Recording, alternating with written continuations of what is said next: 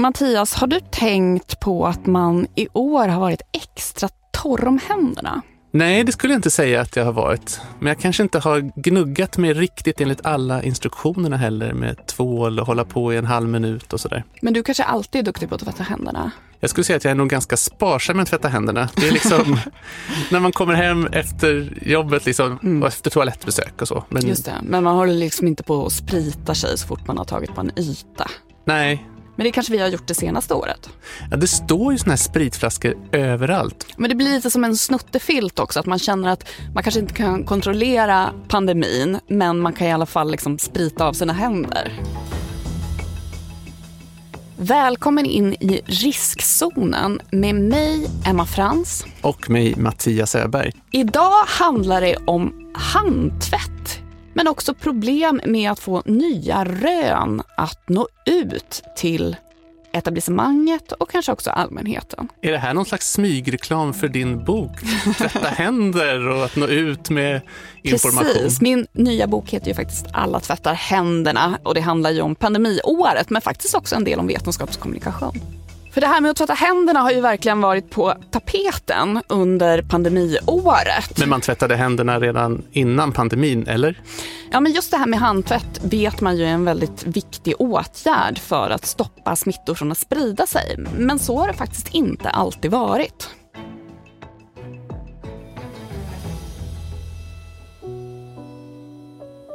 År 1846 tillträder en ungersk läkare vid namn Ignaz Semmelweis tjänsten som assistent vid den ökända första förlossningskliniken på Wiens allmänna sjukhus.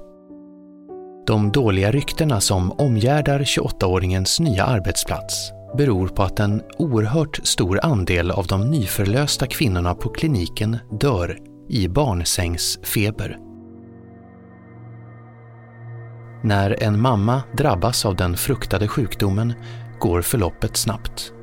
Bara några dagar efter förlossningen avlider hon i symptom som liknar dem vid blodförgiftning. Fram till mitten av 1700-talet har barnsängsfeber varit relativt ovanlig. Men när barnbördshus börjar inrättas i slutet av 1700-talet ökar plötsligt förekomsten av febersjukdomen utan att någon förstår varför. Men det finns teorier. Enligt Handbok för barnmorskor som publiceras 1782 misstänks orsaken vara osund luft i rummet. Eller att kvinnorna använt samma sängkläder direkt efter varandra. 13 år senare 1795 publicerar en skotsk läkare en avhandling med en kontroversiell idé. Att sjukdomen är smittsam och överförs mellan de intagna gravida, av barnmorskor och läkare. Men att medicinsk personal skulle vara orsaken till att kvinnor dör anses vara en befängd idé. De är ju utbildade specialister. Innan Ignaz Semmelweis börjar sin tjänst vid Wiens allmänna sjukhus studerar han medicin på den högt ansedda läkarutbildningen i samma stad. År 1846 avlägger han sin examen och därefter går han en två månaders kurs i förlossningsvård. Väl på plats på sjukhuset finns det två förlossningsavdelningar, första och andra kliniken. På den första kliniken, där Semmelweis är verksam, är förekomsten av barnsängsfeber alltså mycket hög. Ungefär 10-15 procent av mödrarna avlider. En exceptionellt dyster månad är oktober 1842 då dödligheten ligger på 29,33 procent. Den andra kliniken är jämförelsevis skonad från den fruktade sjukdomen där avlider cirka 2% av mödrarna, vilket är ungefär lika stor andel som på andra förlossningsavdelningar vid den här tiden. Utöver dödligheten skiljer sig de båda klinikerna åt i vilka som arbetar och utbildas där. På första kliniken får läkarstudenter sin utbildning i förlossningskonsten och på den andra utbildas barnmorskor. Den höga dödligheten på första kliniken är allmänt känd och hjälpsökande barnaföderskor kan kasta sig på knä och böna och be om att inte hamna på den ökända avdelningen. Om de ändå hamnar där flyr vissa genom fönstren. Kvinnorna föredrar att föda sina barn på gatan framför att göra det på första kliniken. Varje gång en döende moder får den sista smörjelsen av den tillkallade prästen ringer en klocka. Denna återkommande ritual plågar den unge läkaren Semmelweis som bestämmer sig för att göra allt som står i hans makt för att förstå varför klockan ringer så ofta på just hans klinik.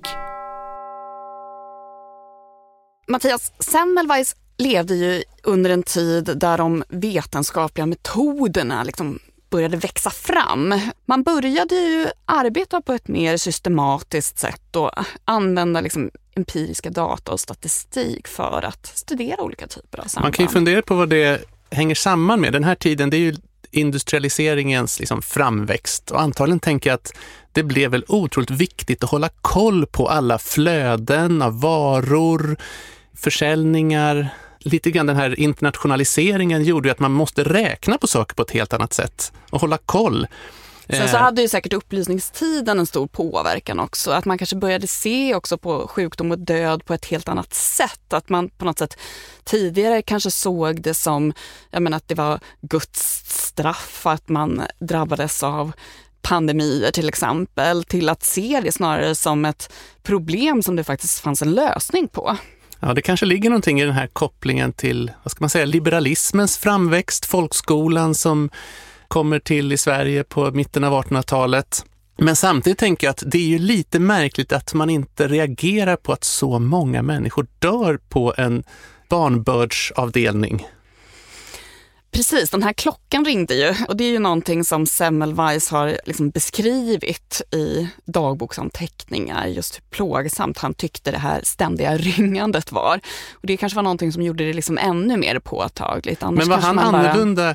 Andra människor borde ju ha reagerat också, eller var man så van vid att Alltså man dog ofta på något sätt. Man dog väl inte oftare då än vad man gör nu egentligen per person, men medellivslängden för kvinnor var 40 år i Sverige vid den här tiden och vart sjunde barn dog innan det hade fyllt ett år, oftast av olika infektioner. Så man kanske inte reagerade så mycket på att man ringde en klocka när någon dog, för att det hände ju hela tiden. Så var det säkert, men sen så när man faktiskt lite systematiskt började eh, kartlägga det här, då såg man ju att det var ju ganska tydligt att den ringde ju verkligen inte lika ofta på den här andra kliniken.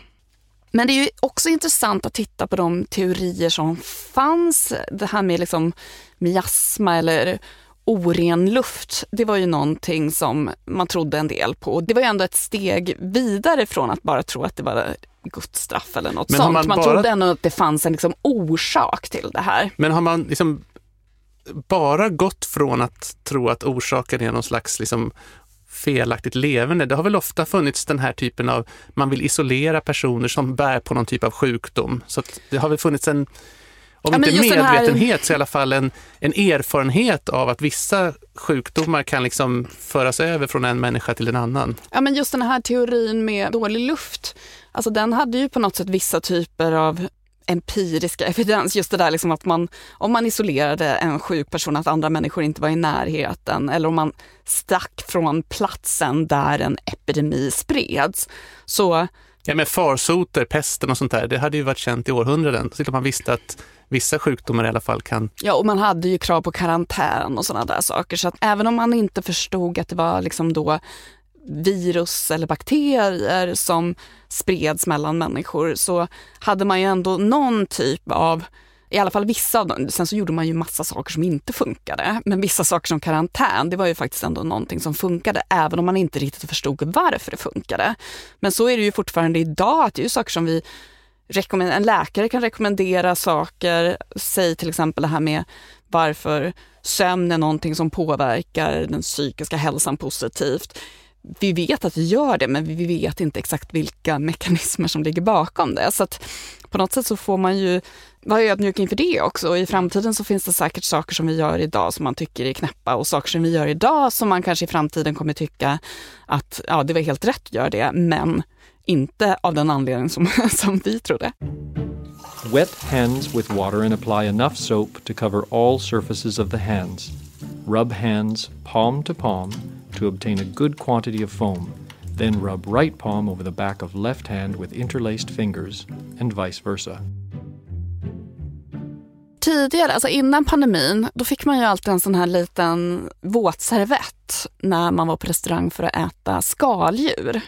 Alltså jag hamnade en gång i ett sammanhang där det fanns en liten skål med någon typ av citronvattenaktigt.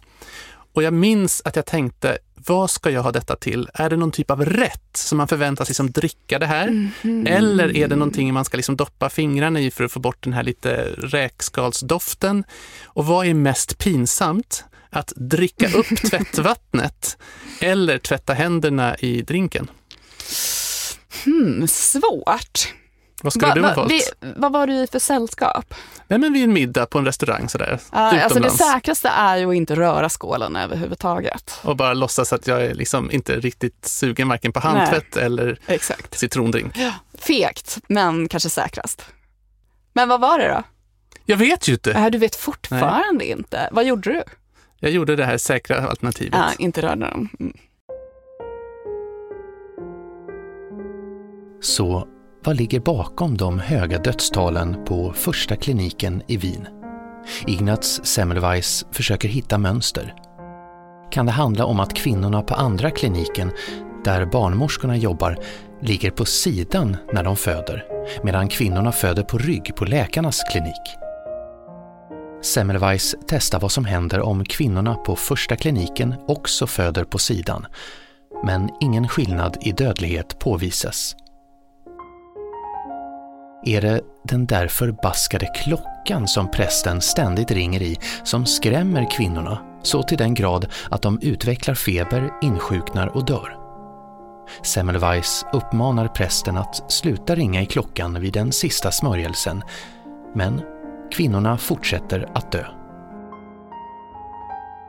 Det egentliga genombrottet för Ignaz Semmelweis kommer år 1847 efter en semesterresa till Venedig möts han av den smärtsamma nyheten att hans gode vän, den framstående patologen Jakob Kolecka, har avlidit i en likförgiftning i samband med en obduktion där en student av misstag stuckit Kolecka i fingret med en kniv. När Semmelweis granskar obduktionsfynden slås han av likheten mellan vännens död och de typiska fallen av barnsängsfeber Semmelweis drar slutsatsen att samma likämne som dödat Kolecka genom att tränga in i såret också framkallar barnsängsfeber. Det måste finnas ett samband mellan kontakt med lik och barnsängsfeber, tänker Semmelweis och gör en detaljerad studie av dödligheten vid båda förlossningsklinikerna. Slutsatsen blir att likämnet medförs från läkarstudenternas händer när de går från obduktionssalen till förlossningsavdelningen och att kvinnorna då smittas. Nu bestämmer Semmelweis att arbetet med kvinnorna på den första kliniken ska föregås av handtvättning med klorkalk. Åtgärden får en påtaglig effekt. Dödligheten sjunker till omkring 2 procent. Senare utvidgas hygienåtgärderna till rengöring av alla instrument som kommer i kontakt med patienter under förlossningen. Dödligheten sjunker till omkring 1 procent. alltså lägre än på barnmorskeavdelningen. Men denna häpnadsväckande framgång är också början på Ignaz Semmelweis undergång. Fatta att komma på något sånt som verkligen kan rädda miljontals människor, mm. revolutionera vården. Yeah. Och så är det så otroligt enkelt. Oh, Gud. Tänk om det finns sådana upptäckter kvar att göra. Att, ja, men det är klart att man måste ju peta sig i pannan tre gånger innan man gör det här. Så... Jo, men lite anledning till att det var så enkel var ju faktiskt också en del av problemet kanske när det gällde att få ut den här kunskapen, att det är lite för enkelt nästan.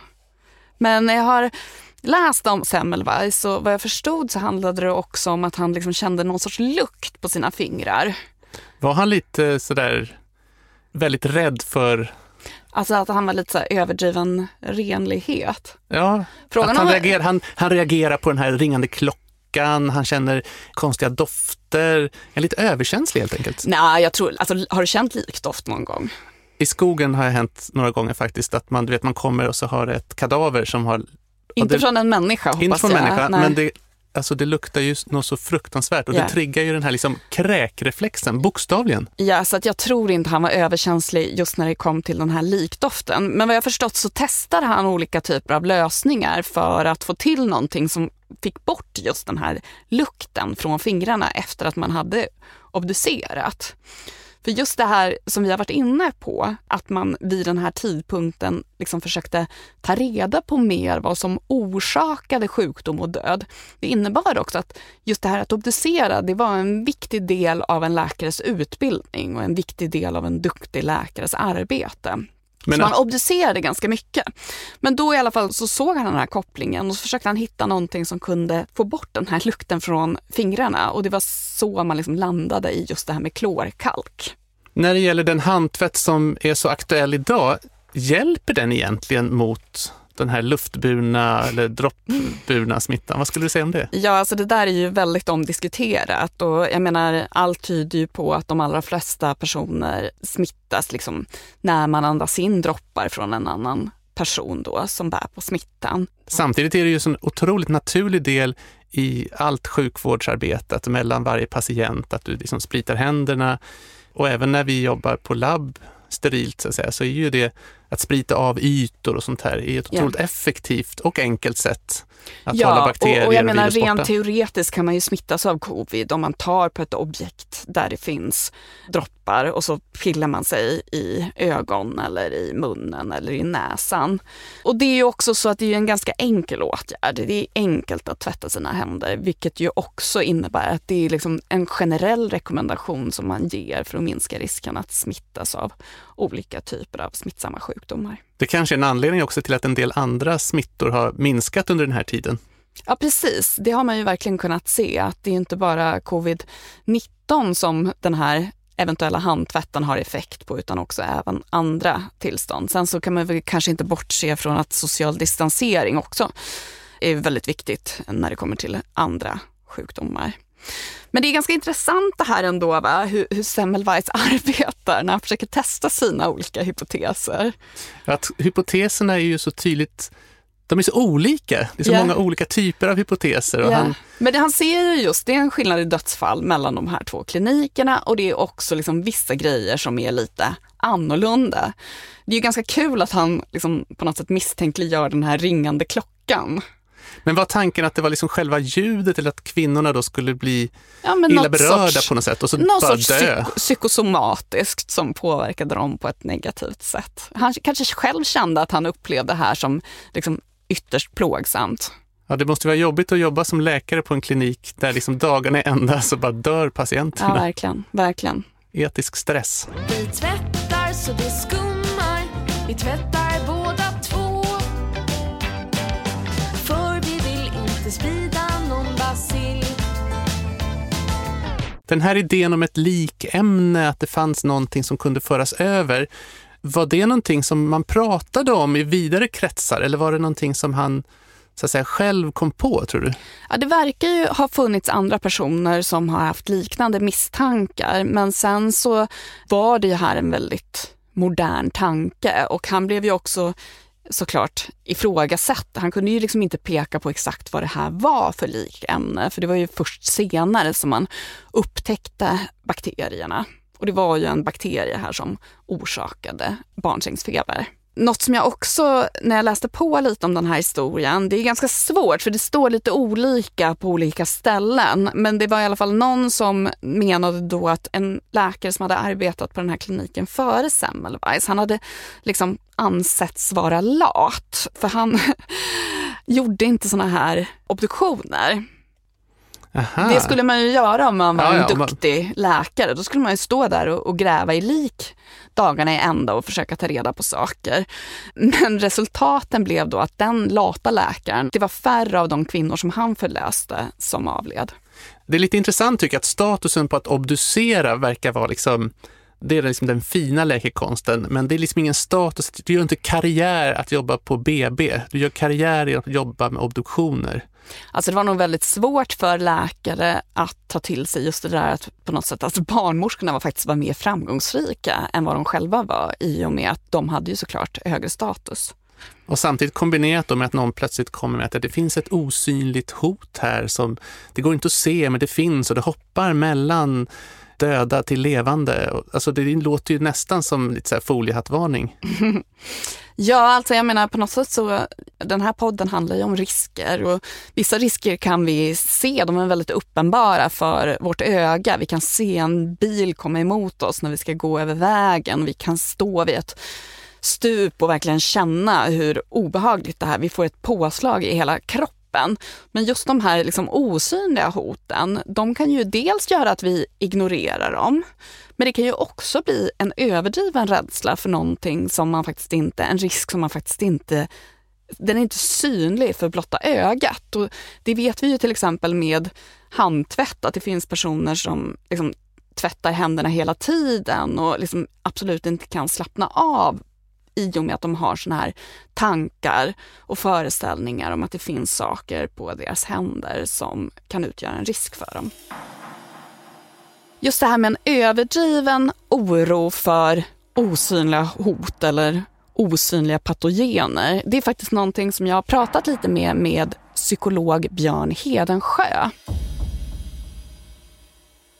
Björn, du är ju psykolog och du arbetar kliniskt med patienter och klienter som har olika typer av problem. Hur vanligt är det, det här med att man på något sätt har en överdriven renlighet, till exempel att man typ tvättar händerna stup i kvarten? Ja, alltså det är ju en liten subgrupp inom det här med OCD, alltså tvångssyndrom. Och det är olika typer av repetitiva beteenden som man har? Ja, det kan det vara. precis. Och då pratar du specifikt nu om sånt här kontamineringstvång. Ja. Det vill säga att man tänker att det är Men är det generellt att en liksom överdriven oro för olika typer av osynliga hot? att det alltid är det med... Nej men att det liksom är det som är grejen. Att man tvättar inte händerna bara för att man älskar att tvätta händerna. Utan det är att man är orolig för att det ska finnas någon typ av smittämne på Ja. händerna. Precis. Och att man är orolig för att bli sjuk. Ja, det, Hänger det samman med hypokondri? Det kan det göra. Alltså det är besläktat. Alltså det är ju liksom ångest och eh, man är ofta liksom regelstyrd. Det hänger ju väldigt nära samman med emetofobi eller kräkfobi. Jaha, och Också, vad är man då eh, rädd för? Att kräkas? Eh, Då är man rädd för att kräkas och det brukar ta sig ungefär samma uttryck. Att man tänker sig att det finns massa liksom smittämnen där ute som man inte kan se. Och det blir otroligt liksom funktionsnedsättande. Att man, man kan inte Alltså man kan inte Äta på restaurang? äta på restaurang eller äta på bufféer eller liksom äta med bestick som man inte själv har kontrollerat diskningen av. Och, alltså man kan bli väldigt, väldigt begränsad sådär. Och behandlas ju på samma sätt då också. Har vi liksom generellt lite svårt att eh, förhålla oss till risker som är liksom osynliga? Jag menar det är en sak att förstå om en bil kommer emot mig med hög hastighet så förstår jag ju vad den risken innebär. Eller när jag står framför liksom ett stup så får man ju verkligen det här påslaget som gör att man, usch, det här ska jag verkligen passa mig för. Däremot så förstår man ju att man är säker så länge man inte liksom ramlar över det här stupet. Men kan det vara liksom svårare för oss att förhålla oss till det här när vi liksom inte riktigt kan göra den bedömningen själva? Ja, visst. Alltså det är ju lätt att det liksom spiller över i alla möjliga typer av situationer. Och en annan sån grej är också att när man, liksom när man börjar undvika, det blir ofta värre och värre. Så att liksom världen blir trängre och trängre. Det har jag ju sett då ibland. Att, att det kan vara Ja, men säg att det börjar med att man tar inte dörrhandtag till exempel. Och så börjar man undvika det och då blir man liksom ännu mer rädd. Alltså det blir som en snöbollseffekt och till slut så kan man inte i princip lämna hemmet alltså om det vill sig riktigt illa. För att man har inte kontroll över vem som tar på vad och sådär. Och just det här med kontaminering, att man tänker sig att det liksom vandrar från föremål till föremål. Sådär. Att det, det blir väldigt svårt att liksom undkomma det hotet då. Så, så världen bara krymper. Men nu när vi har haft den här pandemin, när till och med liksom myndighetspersoner har sagt åt oss att vi ska hålla på att tvätta händerna hela tiden och vi ska liksom tänka på vad vi tar i och inte pilla oss i ögonen och sådana där, ta oss i ansiktet. Kommer det innebära att att eh, fler personer kommer få den här typen av problem. Jag har inte sett någon studie på just det, men man kan väl tänka sig att det kanske har, om det är någon som har varit nära, så att, säga, att det här kan ha varit en slags trigger. Att det kan knuffa folk över kanten. Knuffa folk över kanten och det så. finns en sorts normalfördelning där vi liksom har olika hög risk att få den här Ja. typen av problematik och så förskjuts den här kurvan lite Precis. i och med det här. Mm. Japp, och sen så har jag sett att bland de som redan har diagnosen så har eh, det inte varit kanon. De har ju fått rätt lite Jo, i sin eh, rädsla på något sätt. så kan man väl säga på, på ett Eller de kanske kan känna det själva, att de blir Mm. lite mer...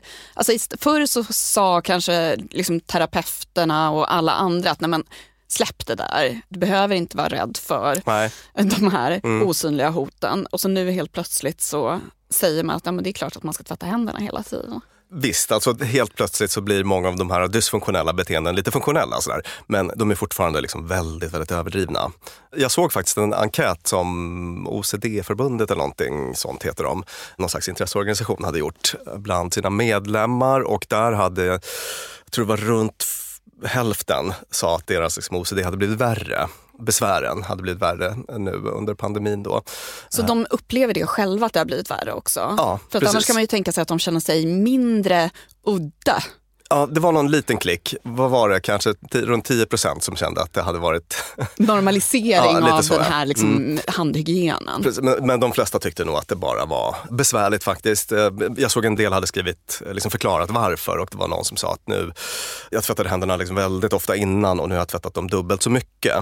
Och för att man ska få diagnos så behöver man ägna sig åt den här typen av beteenden runt en timme eller mer per Oj, dag. oj, oj. Så att, ja, så att, då, tar det, mm, då blir det mycket tid som går åt det, det till blir mycket tid som går åt till Mm.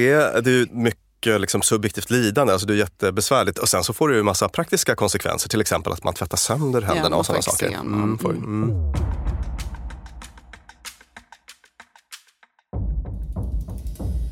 Vi kan ju komma in lite grann på riskerna med handtvätt också. Det är naturligtvis en enorm framgång att kunna få bort bakterier från sjukhusmiljöer. Samtidigt så vet vi att människor som jobbar mycket med våtarbeten, det vill säga att du står och du tvättar händerna och du jobbar med vatten, kanske med att diska eller tvätta eller något sånt där. Och gör du det flera timmar om dagen så ökar ju risken för att du ska få rejäla problem med huden på händerna. Alltså Och det här ser man väl inom vissa yrkesgrupper? Ja, det är väldigt tydligt. Vissa yrkesgrupper Kockar drabbas. har jag hört drabbas Ja, men det, de står ju mycket. i köket och det är Ja. mycket rinnande vatten och de måste tvätta saker och då får de kontakt med vatten under en ganska stor del av sin arbetsdag. Sjukvården är ju ett annat sådant problemområde och där ser vi att många får problem med handeksem. Man glömmer liksom bort att vatten och tvål kan också vara giftigt för huden faktiskt. Mm. Och handsprit är ofta ett bättre alternativ om du ska få bort bakterier. Du blir inte ren på samma sätt, alltså du får inte bort smuts Nej, och det med är handspriten. vissa liksom, patogener som det inte biter på. Sånt här kalicivirus till exempel. Ja, Alltså coronavirus, där har de ju det här liksom lipidhöljet. Det gör ju att handspriten funkar väldigt bra på just coronavirus. Men det finns andra virus som det inte biter så bra på. Jag tycker det är intressant att se hur pandemin kan ändra vårt sätt att tvätta händerna och att det ibland kan bli liksom överdrivet. Och vi har startat en del studier inom miljömedicin och arbetsmedicin för att se just, har det här tvättandet gjort att problem med handeksem har ökat? Det är liksom ett intryck man har fått på en del mottagningar. Att folk har sökt för den här typen av hudproblem mer efter att råden om handtvätt gick ut. Att man kanske tvättar lite för intensivt och använder liksom tvål och vatten där det skulle kanske vara bättre med handsprit och man glömmer bort att man måste smörja händerna efter handtvätt. Har ni fått några indikationer än? Nej, det här är fortfarande pågående studier, men som sagt, den observation som har gjorts på olika kliniker har gjort att den här liksom hypotesen ändå finns. Så vi jobbar lite enligt Semmelweis modell där, att man observerar någonting och så försöker man liksom se, kan det här bero på pandemin, förändrade tvättbeteenden? Och så försöker vi ta reda på det genom enkäter på olika sätt till exempel.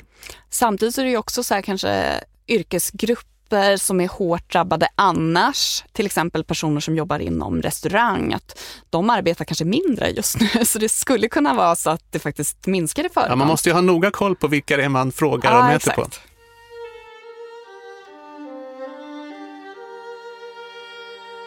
När nyheten om Ignaz Semmelweis upptäckt om handtvättandets betydelse sprids så imponeras somliga av hans fynd. Men den stora majoriteten inom det medicinska etablissemanget är skeptiska och resultaten får inget större genomslag. Anledningen till det svala mottagandet är att observationerna går emot rådande teorier om att sjukdom uppstår när de fyra kroppsvätskorna, gul och svart galla, slem och blod, är i obalans. En annan viktig orsak till motståndet tros vara att läkarna inte vill erkänna, varken för sig själva eller för andra, att det är de som har orsakat så många dödsfall. Kanske handlar det också om att personer med hög status känner sig kränkta när de utpekas som orena. Men alla invändningar från kritiker handlar inte om att den egna prestigen fått sig en törn. Det väcks också frågor som varför dör vissa kvinnor trots handtvätt? Vad är det egentligen för likämnen som påstås spridas? Har Semmelweis någonsin sett de här ämnena? Varför drabbas mammorna men inte barnen? Semmelweis bemöter kritiken genom att skriva brev till sina meningsmotståndare med hårda anklagelser om hur de mördar kvinnor på löpande band genom att ignorera hans upptäckter. Samtidigt som han förebrår sig själv för alla de dödsfall som han förorsakat genom sin tidigare obduktionsverksamhet. Under 1860-talet börjar Semmelweis hälsa förfalla och han beter sig allt märkligare. Det är uppenbart att inte allt står rätt till. Sommaren 1865 drabbas Semmelweis av ett nervsammanbrott och blir inlagd på ett sinnessjukhus i Wien. Det sägs att han vid ankomsten har en infektion i ett finger och avlider i blodförgiftning, liknande barnsängsfeber. Något som senare har ifrågasatts. Enligt en artikel i Journal of Medical Biography av H.O. Lancaster är den verkliga orsaken till Ignas Semmelweis död de skador som han får efter att han varit våldsam och blivit slagen av sjukhuspersonal. Först efter sin död får Semmelweis sin upprättelse när bakterieteorin om sjukdomar utvecklas. Idag är han erkänd som en pionjär inom aseptik och kallas ibland handtvättens fader. Det här var ju en viktig upptäckt och jag menar efter att man hade infört sån här obligatorisk handtvätt och rengöring av instrument på förlossningskliniker så minskade ju risken för barnsängsfeber drastiskt och det blev ju säkrare att föda på såna här platser. Och risken för det blev ju lägre än vid hemmafödsel. Fokuset och utvecklingen av de här lite enkla hygienreglerna har ju också fortsatt. Det är inte så länge sedan som läkarna gick runt i så långa vita rockar i korridorerna, men går du in på ett modernt sjukhus idag så har de en helt annan typ av så att säga, klädsel. Visst är det väl till och med krav på att man måste ha korta naglar och Ja, såna där det är det. saker. Och Ja. du får inte ha liksom vissa smycken på händerna och sådär för att just få bort den här typen av källor till att sprida runt sjukdomar och infektioner. För det här är ju känsliga människor som man jobbar med. Och det här exemplet med Semmelweis, det tas ju ibland upp som ett exempel på hur svårt det kan vara för nya vetenskapliga rön att få fäste bland etablerade yrkesmän. Han är ju ett bra exempel på ett sätt kan man säga då för hur, hur motståndet kan se ut. Men man får ju lite känslan av att en del av problemen ligger i hans eget beteende. Precis, alltså mer och mer så verkar det ju bli att han används som ett exempel också för att belysa hur man inte ska kommunicera om vetenskap och hur man är på något sätt dömd att misslyckas om man kommunicerar på det här sättet.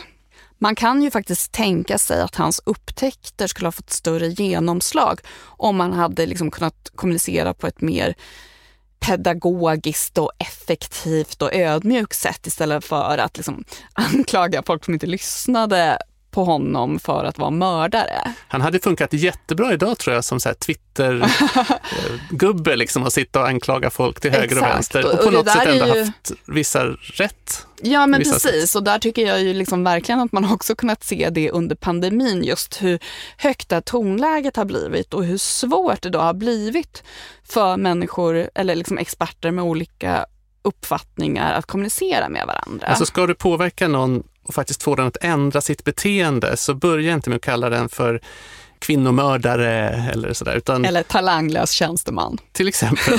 Då låser sig lite resten av utvecklingen. Som pedagog så måste man liksom jobba med andra tekniker. Jag tycker om man ska ändra beteende så jag brukar tänka liksom tre viktiga saker. Det ena är liksom vanans makt, att du kan faktiskt ändra dina vanor. Det är en möjlighet. Att inför du vanor så kommer Man du så att säga... ställer fram handsprit överallt till ja, men, exempel. Ja, men precis. Och då, Mm. då får du den här, det blir naturligt, det blir lätt och plötsligt så har du liksom vant vid det här. Så sen kommer du sakna den här handspriten. Varför ingen, nu är handspriten slut, är det någon som ska fylla på handspriten och sådär. Men sen finns ju det här med kunskapen också. Där var väl liksom Semmelweis, det var väl hans starka sida, att han ändå sökte efter ny kunskap och genom att förstå och reflektera så kunde han liksom öppna upp för förändring. Men sen är det ju tyvärr också så att omgivningens makt är ju extremt stor. Så att är det en udda person med låg status som kommer med någon idé som dessutom är lite anklagande i sin ton så är det mycket, mycket lättare att titta på, men vad gör de andra? De tvättar ju inte händerna, men då behöver inte jag. Det är lite grann det här apan ser, apan gör. Jag tittar mig runt omkring, är det bara Semmelweis som håller på med detta? Eller sker det här på andra sjukhus? Nej, men de andra sjukhusen har ju inte det, då skiter vi i det. Alla barn ska tvätta sina händer varje dag. Alla barn ska tvätta sina händer varje dag. Som forskare så kan jag också titta lite grann på problem som Semmelweis hade, som inte bara var det här att han anklagade sina meningsmotståndare för att vara mördare, utan att han var rätt dålig på att publicera. Då, precis som nu, så var det viktigt att kunna liksom skriva ner de här observationerna och göra dem offentliga och förklara dem för sin omgivning. Han verkar ju ha varit intresserad av att lösa problemet, men usel på att publicera. Det dröjde ju liksom flera decennier innan de här resultaten kom ut offentligt och delvis var ju det hans eget fel.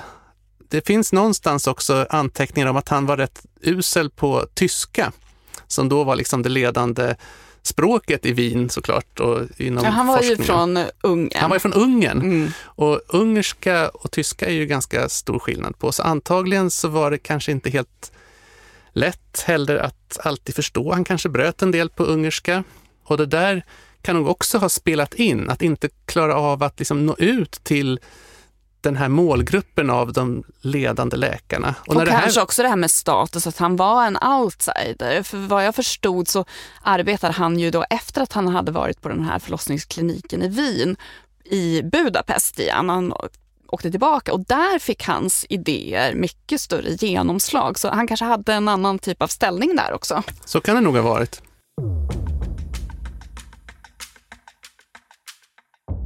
Björn, om vi då får drömma oss framåt några månader och hoppas att det här pandemihelvetet snart går över. Tror du att vi kommer fortsätta att hålla på och sprita våra händer? Jag har ju en teori om att väldigt mycket kommer gå tillbaka till väldigt normalt väldigt snabbt eftersom vi typ funkar så vi människor. Och sådär. Men jag tror att på ett område där vi kan- faktiskt kan se lite beständig förändring tror jag är just på så här personlig hygien området just eftersom Det är kanske inte är så stor uppoffring heller för oss. det är inte så stor uppoffring men sen så också bara baserat på hur minnet funkar och alltså sånt som är kopplat till äckel tenderar vi att liksom koda in väldigt hårt i minnet. Jag vet inte om du har druckit tequila när, när du var... Alltså jag hade en jättelång period då jag inte kunde dricka läsk som barn eftersom jag blev magsjuk efter att jag hade druckit mycket läsk. Och jag tror inte att det hade någonting med varandra att göra.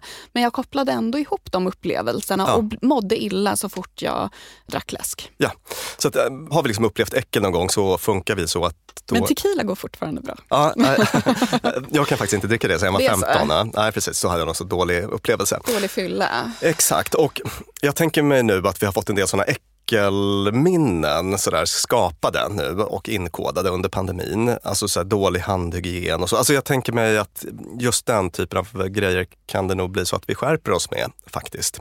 Det skulle vara jättekul att se studier på det. Jag vet att framförallt killar va, har varit ganska dåliga på handtvätt efter toabesök. Män är lite sämre. Eh, överlag? Eller? Ja. Nej, men på den punkten Ja. finns det sådana studier. Så att det skulle vara intressant med en sån uppföljande studie om något år. Och se. Jag kan tänka mig att vi kanske blir lite bättre. Varför tror du män blir bättre på sikt? Nej, nej alltså män och kvinnor. Ah, okej. Ja. Mm, ja. Nu är det 2021. Vi har tvättat händerna hela året. Vi har fått ett effektivt vaccin. När kommer handtvätt som inte ställer till det för våra händer eller som inte har de här negativa bieffekterna? Borde vi inte vara där? Borde vi inte ha flygande bilar och på något sätt en sorts handtvätt utan bieffekter? Nej, men en möjlighet är ju också att det utvecklas helt nya produkter, alltså någon typ av handtvätt där du sticker in händerna i någon typ av ånga eller så här ljusbehandling som så att säga. Och det här gör du innan du går in på flyget eller i vissa situationer där man vill kanske markera att här jobbar vi väldigt rent och så. Handtvätt 2.0. Eller 3.0 kanske, jag vet inte. Handsprit kanske är 2.0.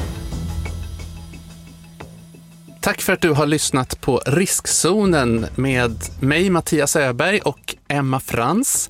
Som vanligt är det Klara Wallin som producerar och Peter Öberg som läser texten. Och vi spelade in på Beppo och vi vill tacka forskningsrådet Formas för ekonomiskt stöd. I nästa avsnitt följer vi upp den aktuella domen från Blekinge tingsrätt där jag var expertvittne och vi pratar om hur befolkningen fått i sig giftiga kemikalier via sitt dricksvatten och att det kan innebära en personskada.